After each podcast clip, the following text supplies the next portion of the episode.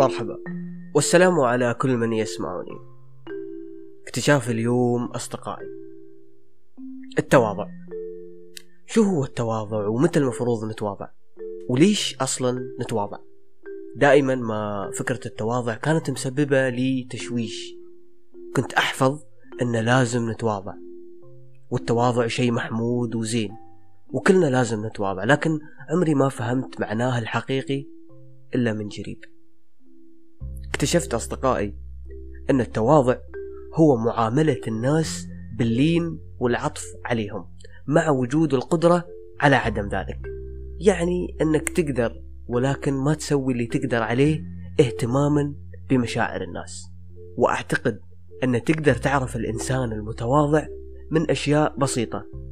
دائما ما بتحصل الناس المتواضعين يرأف بحال الناس اللي تستحق الرأفة. ويزور الناس وياكل معاهم وما يرفع صوته ويسمع أكثر مما يتكلم.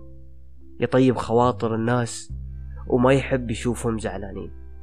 اكتشفت أصدقائي أن في التواضع ذكاء لأن الإنسان المتواضع يسمع أكثر من ما يتكلم. هذا يعني أنه يتعلم أكثر يفهم أكثر يشعر أكثر. عسبة شي هو دائما عطوف. عسبة شي هو دائما عطوف. في النهاية مجرد رأي. لا تاخذه بجدية حاول تكتشف بنفسك. سلام عليكم.